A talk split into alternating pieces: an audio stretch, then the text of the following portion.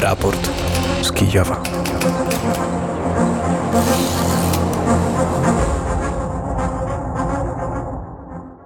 607 dzień rosyjskiej inwazji na Ukrainę, inwazji na pełną skalę. Wita się Paweł Bobołowicz. Naszą audycję realizuje Mikołaj Poruszek. W wyniku rosyjskiego ataku rakietowego na terminal firmy kurierskiej Nowa Poczta zlokalizowany pod Charkowem zginęło 6 osób. Byli to pracownicy firmy, najmłodszy miał 21 lat. 17 osób zostało rannych. Do ataku doszło w sobotni wieczór. Rosyjskie wojska przeprowadziły w nocy atak na Ukrainę z terytorium okupowanego Krymu. Ukraińskie siły powietrzne poinformowały o zestrzeleniu wszystkich celów. 14 dronów szturmowych i rakiety H-59. Atak dronów na obwód Odeski trwał około 3,5 godziny, w wyniku czego zestrzelono 9 dronów. Tam odłamki jednego z dronów uszkodziły dach infrastruktury portowej. Obrona powietrzna działała także w obwodzie kijowskim, chmielnickim i kirowogradzkim. Wczoraj wieczorem Rosja zaatakowała także ukraińską infrastrukturę energetyczną. Ostrzelano jedną z elektrociepłowni. Jej urządzenia zostały poważnie uszkodzone. Na razie strona ukraińska nie określa, w jakim rejonie zlokalizowana jest elektrociepłownia. Ukraina sprowadziła z Polski pierwsze 40 tysięcy ton węgla na sezon grzewczy. O tym poinformował koncern energetyczny Detek. Łącznie w całym sezonie grzewczym spółka planuje sprowadzić z Polski około 210 tysięcy ton węgla. Przenosimy się do Kijowa, gdzie jest Dmytro Antoniuk. Dzień dobry Dmytrze. A i jeszcze raz próbuję Dmytra wywołać. Dzień dobry, Dmytrze. Dzień dobry, Pawle, słychać mnie? Yy, tak, teraz Halo? ja cię słyszę. Być może państw, państwo cię słyszeli, tylko ja cię nie słyszałem, ale teraz e, jesteśmy już w łączności. Dmytrze, niespokojna noc e, na Ukrainie. E, drony w, też w, w, obwodzie, w obwodzie kijowskim. Potężna ilość znowu dronów, które poleciały na Ukrainę. Nie do końca z tobą zgadzam, bo w ilość, no według tej informacji oficjalnej, które mamy, była 14 dronów, 13 typu Shahed i jeden nieokreślonego typu. Wszystkie drony zostały zastrzelone. No to w całej Ukrainie. E, pod Kijowem też, bo nie zgadzam się dlatego, że wcześniej było ich o wiele więcej, tak? Um, wszystkie drony zostały zastrzelone i jedna rakieta typu H-59. Także absolutnie wszystko, co było wystrzelone przez wroga w Ukrainę zostało zastrzelone na 100%. E, no, Oby tak było dalej, powiem tak. E, no ale I... Dmytrze chyba nie do końca, nie do końca jest tak, e, e, co do ilości możemy dyskutować, czy to jest duża, czy nie, bo to już jest kwestia pewnie przyzwyczajenia, ale wiadomo, że została uszkodzona jedna z elektrociepłowni. Nie ma pełnej informacji, która strona ukraińska nie podaje tego, ale to świadczy o tym, że przynajmniej coś z tego, co zostało wystrzelone do tej elektrociepłowni doleciało. No tak, być może tak jest. No oprócz tego e, powiem, że e, odłamki jednego z tych dronów uderzyli w e, infrastrukturę około portu w, na, nad Morzem Czarnym, także no, niestety nawet odłamki też niestety też spowodują w, w zniszczenie po prostu i e, docierają jednak e, w jakiś sposób do celu, który był im postawiony przez Rosjan. E, o dronach jeszcze porozmawiamy z Arturem tak. Żakiem, ale przenieśmy się do Awdijiwki. Dzisiaj już opowiadałeś poranku o tej sytuacji, która tam ma miejsce. Jak wyglądają najnowsze doniesienia z frontu? E, wróg e, nadal atakuje Awdijewkę, tylko teraz e, z użyciem przeważnie piechoty, ponieważ ciężki sprzęt został tam mocno rozwalony jego. Według Juria Butusowa, dziennikarza z ukraińskiego, około 200 200 sztuk tak, tych e, w, i czołgów, i wózów opancerzonych, i ciężarówek e, leżą teraz w polach e, wokół Awdijówki. Jednak wrogowie udało się przy, przejść półtora kilometry w głęb naszych pozycji na północnym odcinku frontu na północ, od, na północny zachód od Awdijówki, e, ale co ważne, że my e, posiadamy tam e, wzgórza panujące nad, nad tym terenem i absolutnie wszystko kontrolujemy ogniem. Także to, co zdobył wróg, jemu będzie bardzo ciężko utrzymać, nie mówiąc już o tym, żeby iść dalej. E, Co do południowego e, pasu tego frontu, to tam wróg ma postęp e, gdzieś około 200 metrów, ale to za ostatnie, no być może dobę. A, a tak w sumie też parę kilometrów oni tam też przyszedli, ale tam podobna sytuacja jest. My kontrolujemy z wzgórz sytuację na południowym pasie, e, w, na południowy zachód od Awdijówki, ale wróg nie ustaje e, przerzucać tam nowe i nowe posiłki, e, nie licząc z swoimi strasznymi stratami, które on tam poniósł już, ale po prostu kontynuuje swoje natarcie. Także tam jest e, sytuacja e, no, poważna, ale no, mam nadzieję, że kontrolowana, jak przynajmniej tak do, donoszą e, oficjalne źródła ukraińskie. No i ze strony rosyjskiej też nie widać jakichś brawurnych relacji, tak, że, że, że my wszystko tam zdobyliśmy i tak dalej, bo tam była, mm, jest jedna taka hałda, tak, po ukraińsku Terikon, która mm, znajduje się na północ od od Awdijówki i ona wielokrotnie była, przychodziła z rąk do rąk, e, wielokrotnie tam e, wchodzili na szczyt tej hałdy e, Rosjanie, ale coraz, co razu były rozwaleni po prostu tam na tym szczycie.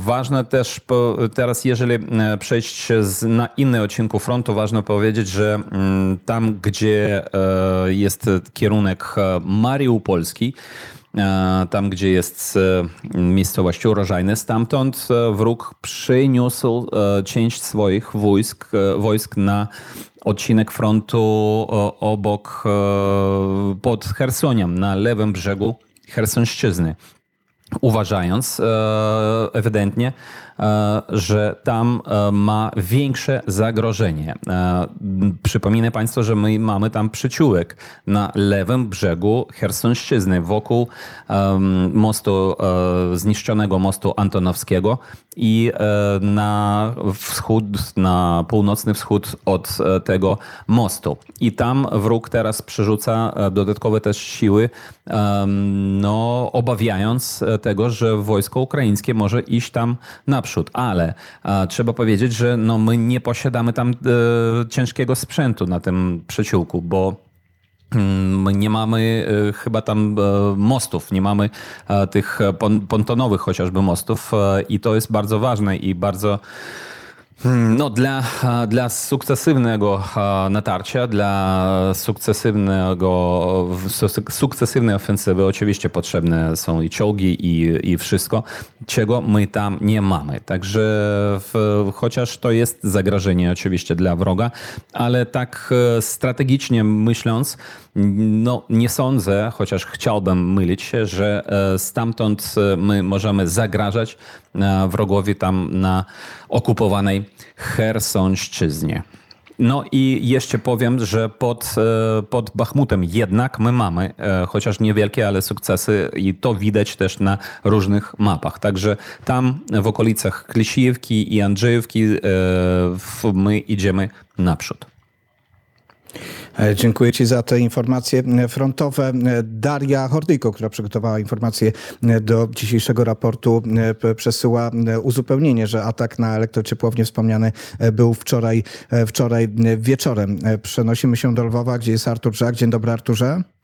Ja Artura nie słyszę. Nie wiem, czy Państwo go słyszycie. Spróbujemy jeszcze raz. Arturze, czy jesteś na łączach, czy się słyszymy? Dzień dobry, Pawle. Ja Cię słyszę perfekcyjnie. Witam się z Tobą, witam się z Dmytrem i ze słuchaczami Radia Wnet. Kłaniam się nisko z Lwowa. Świetnie, ja teraz e, też e, Cię słyszę. Arturze, e, zaczęliśmy rozmawiać z Dmytrem o tych dronach. Ja użyłem sformułowania, że to był potężny atak rzeczywiście w porównaniu z innymi atakami, które, których doświadcza Ukraina. M, 14 dronów nie brzmi aż tak może strasznie, szczególnie, że te drony są zestrzeliwane mm, i większość z nich na pewno nie dolatuje do celu, ale wiele wiemy też, że Rosja zaczęła produkować, prawdopodobnie produkować nowe drony, których cechą pewnie jest to, że są tańsze. Taką informację podał między innymi e, funkcjonariusz czy też e, żołnierz e, Juri Ignat, to jest rzecznik sił powietrznych, sił zbrojnych Ukrainy, że właśnie Rosjanie zaczęli produkować drony nieokreślonego typu. Ta informacja, szczerze ci powiem, mnie zaskoczyła, bo Rosjanie produkują drony zarówno te wojskowe, drony takie jak na przykład Orlany, czy też uderzeniowe drony Lancet od wielu, wielu miesięcy. Teraz zresztą zwiększyli radykalnie produkcję, ale Rosjanie też produkują drony e, te że tak określę, metodą chałupniczą, chociaż to już nie jest metoda chałupnicza, dlatego że na początku wojny Ukraina przodowała w dronach, właśnie tych dronach wykorzystywanych przez pododdziały nawet na poziomie drużyny czy też plutonu. To były w większości przypadków komercyjne drony produkcji e, chińskiej. Niemniej jednak zobaczyliśmy e, bardzo szybko, że drony tak zwane FPV e, przyjmują pole walki, czyli te tanie, bardzo szybkie drony, które mogą służyć zarówno do zrzucania pocisków, jak i same być właśnie takimi dronami kamikadze. I sta- to teraz stał się normalny środek ogniowy, wykorzystywany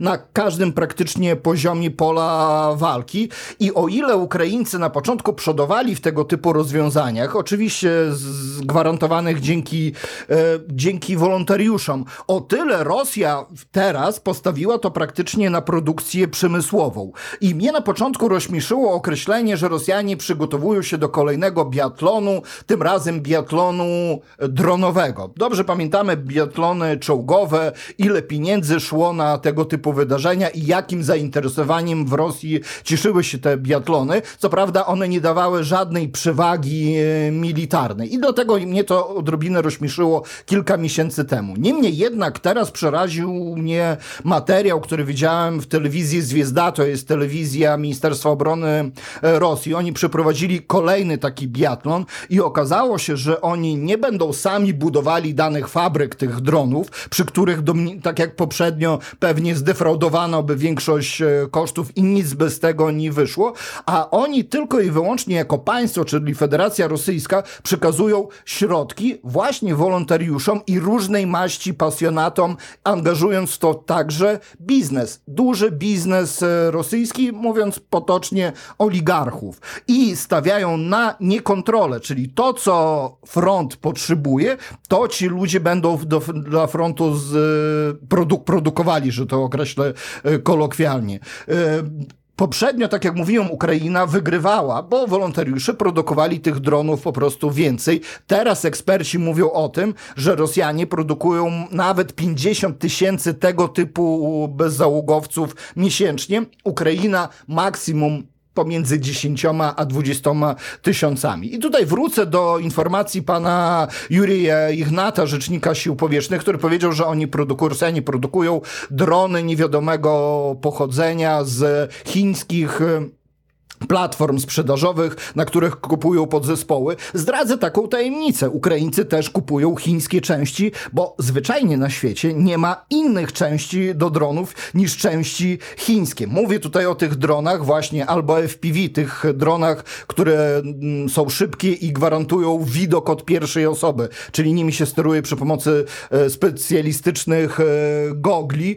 To też wszystko są części chińskie. I teraz jest walka na dwóch dwóch płaszczyznach. Finansowania, gdzie jak widzimy Rosjanie no, trochę przeszli powyżej Ukraińców, bo Ukraińcy nadal nie mają państwowego finansowania tego typu środków e, rażenia, a także Ukraińcy walczą o dostęp do części, bo tych części nie ma nieograniczonej ilości. Tak jak dobrze, Pawle, wiesz, e, ten e, pododdział e, te e, ptaszki Madziara, w których walczą nasi, e, na, na, na, nasi znajomi, już ogłosił, że nie ma możliwości zakupu na przykład tych słynnych dronów, tak zwanych weselnych dronów produkcji chińskiej, bo ich zwyczajnie nie ma. Identycznie jak rozmawiam ze znajomymi, które prowadzą szkolenie w wykorzystaniu między innymi FPV dronów i sami konstruują te FPV drony, to tak jak oni określają, to jest walka o części podzespoły do budowy budowy tego typu środków rażenia,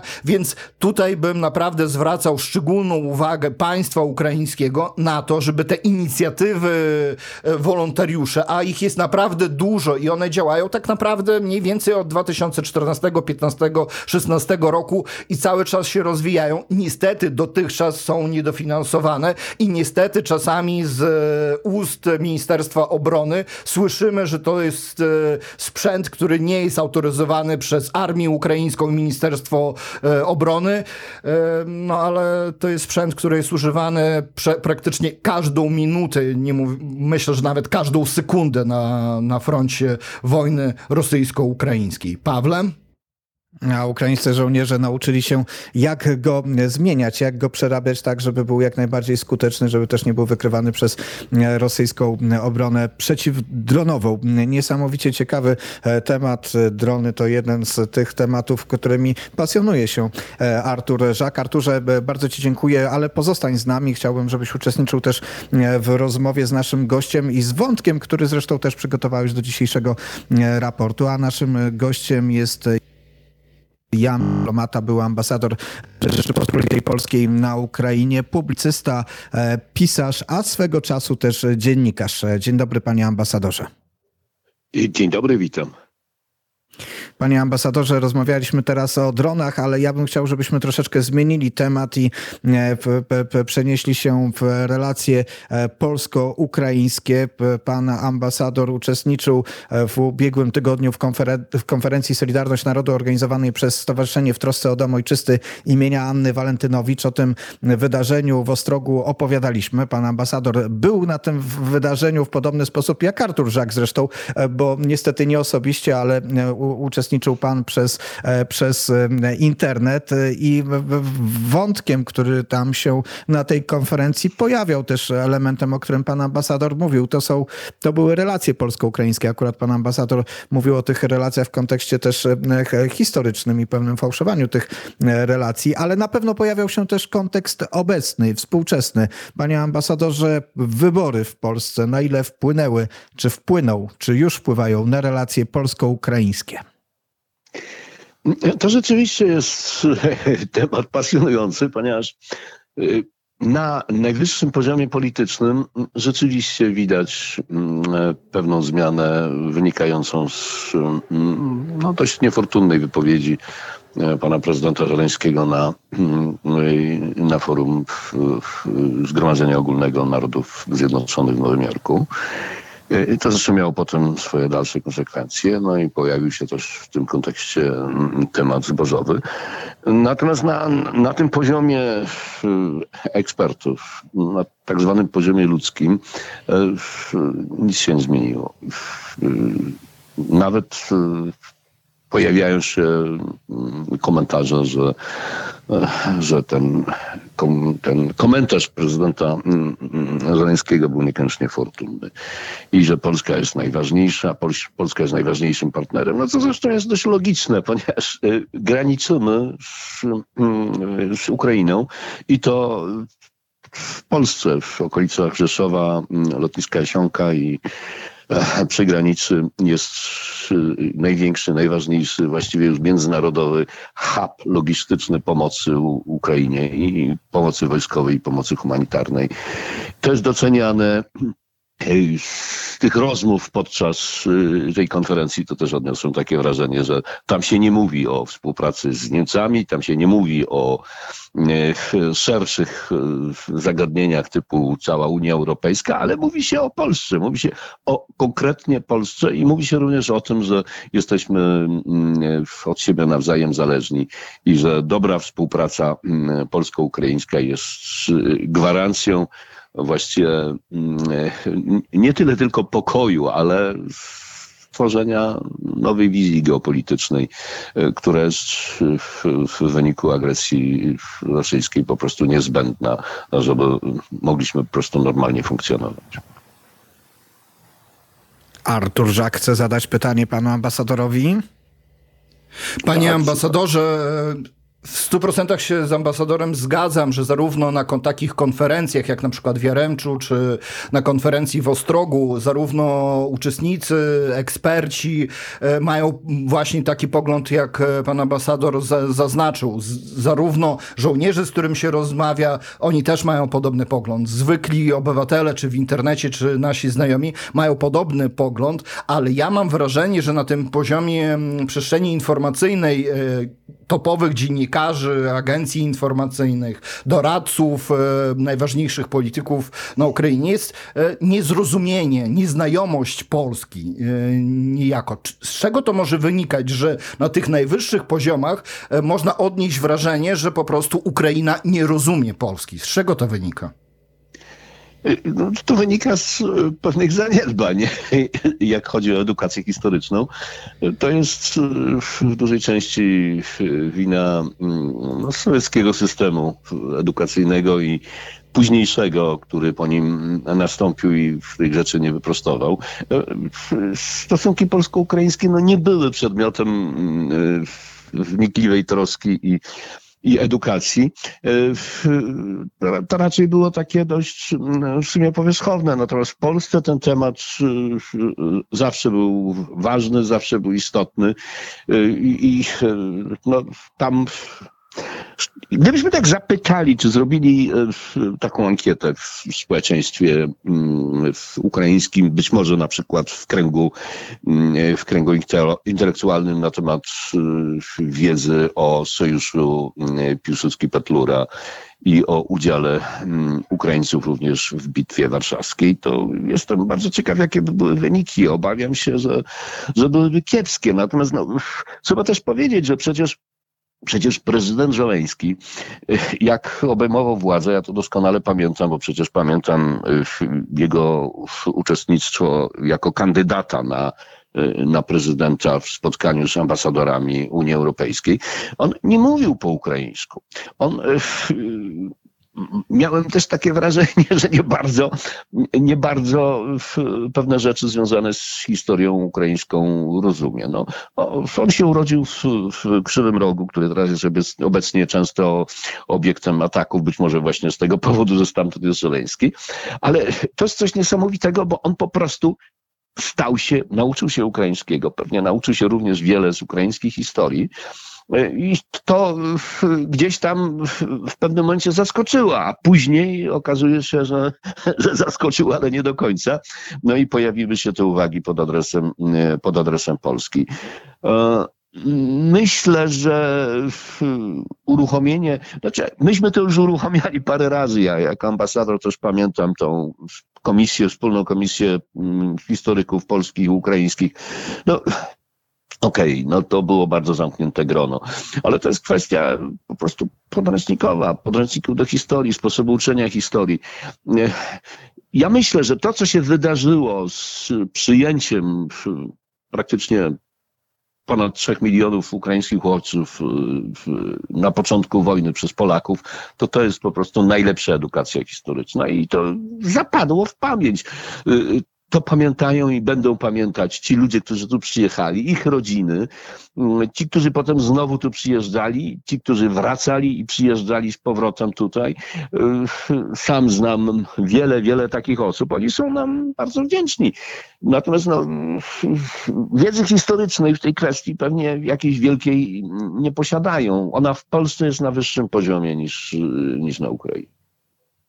Panie ambasadorze, ale czy nie można e, odnieść takiego wrażenia, że po e, kampanii wyborczej, gdzie temat Ukrainy zaistniał bardzo mocno tutaj z Łukaszem Jankowskim, moim redakcyjnym kolegą, różnimy się w ocenach, jak, jakie miał znaczenie dla kampanii wyborczej, ale e, że jednak gdy ten temat był przedstawiany w takim charakterze no, nawet dosyć ostrym, a czasami negatywnym, stwierdzenia mocne premiera o niewstąpieniu czy, czy niepoparciu dla wstąpienia Ukrainy, dla, przepraszam, ministra rolnictwa do, do do, do Unii Europejskiej, premiera o, o tym ograniczeniu e, pomocy. E, Te wszystkie elementy wytwarzały takie napięcia dodatkowe w relacjach e, polsko-ukraińskich i wydaje mi się, że strona ukraińska wierzyła, że wraz z zmianą z rządu te napięcia miną. Ale czy rzeczywiście miną? Czy minie kwestia na przykład różnic dotyczących handlu zbożem? Czy miną, jeżeli opozycja w Polsce przejmie władzę? Szczególnie, że przecież w ramach tej opozycji jest jeden z liderów, który tych blokad e, z, z, zbożowych, mówię o panu Kołodziejczaku, a więc czy ukraińska nadzieja na to, że z e, obecną polską opozycją będzie się łatwiej w przyszłości współpracować, nie są płonne? Są płonne, tak, zgodziłbym się z tym i słyszałem to również od paru moich znajomych, którzy są w, w opozycji, czyli w tej chwili w, będą tworzyć y, tak zwaną zwycięską koalicję, y, że ten temat y, będzie tematem wrażliwym i to nie tylko w stosunkach polsko-ukraińskich, ale również polsko-rumuńskich y, i y, no, przecież lobby farmerskie szczególnie francuskie, jest ogromnie silne w Unii Europejskiej, więc będą z tym problemy. I jest e, daleko posuniętą naiwnością ta e, wiara Żeleńskiego i Ukraińców, że to teraz to tak szybko wszystko pójdzie, że rozmowy akcesyjne się zaczną, że Ukraina znajdzie się w Unii Europe- Europejskiej. Przecież tam są i okresy przejściowe, które będą chronić europejskie rolnictwo. Mm, Należy się z tym liczyć i nie mieć złudzeń.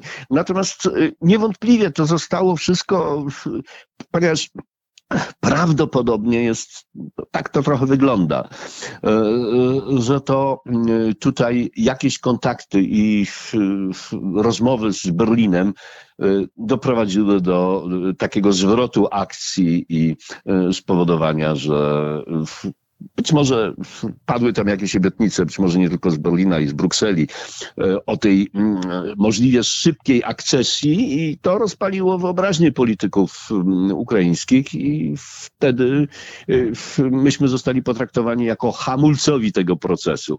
Natomiast rzeczywiście, no, co do pana Kołodziejczaka, to należy jeszcze powiedzieć, że, mm, że on wiele razy miał wypowiedzi antyukraińskie i prorosyjskie.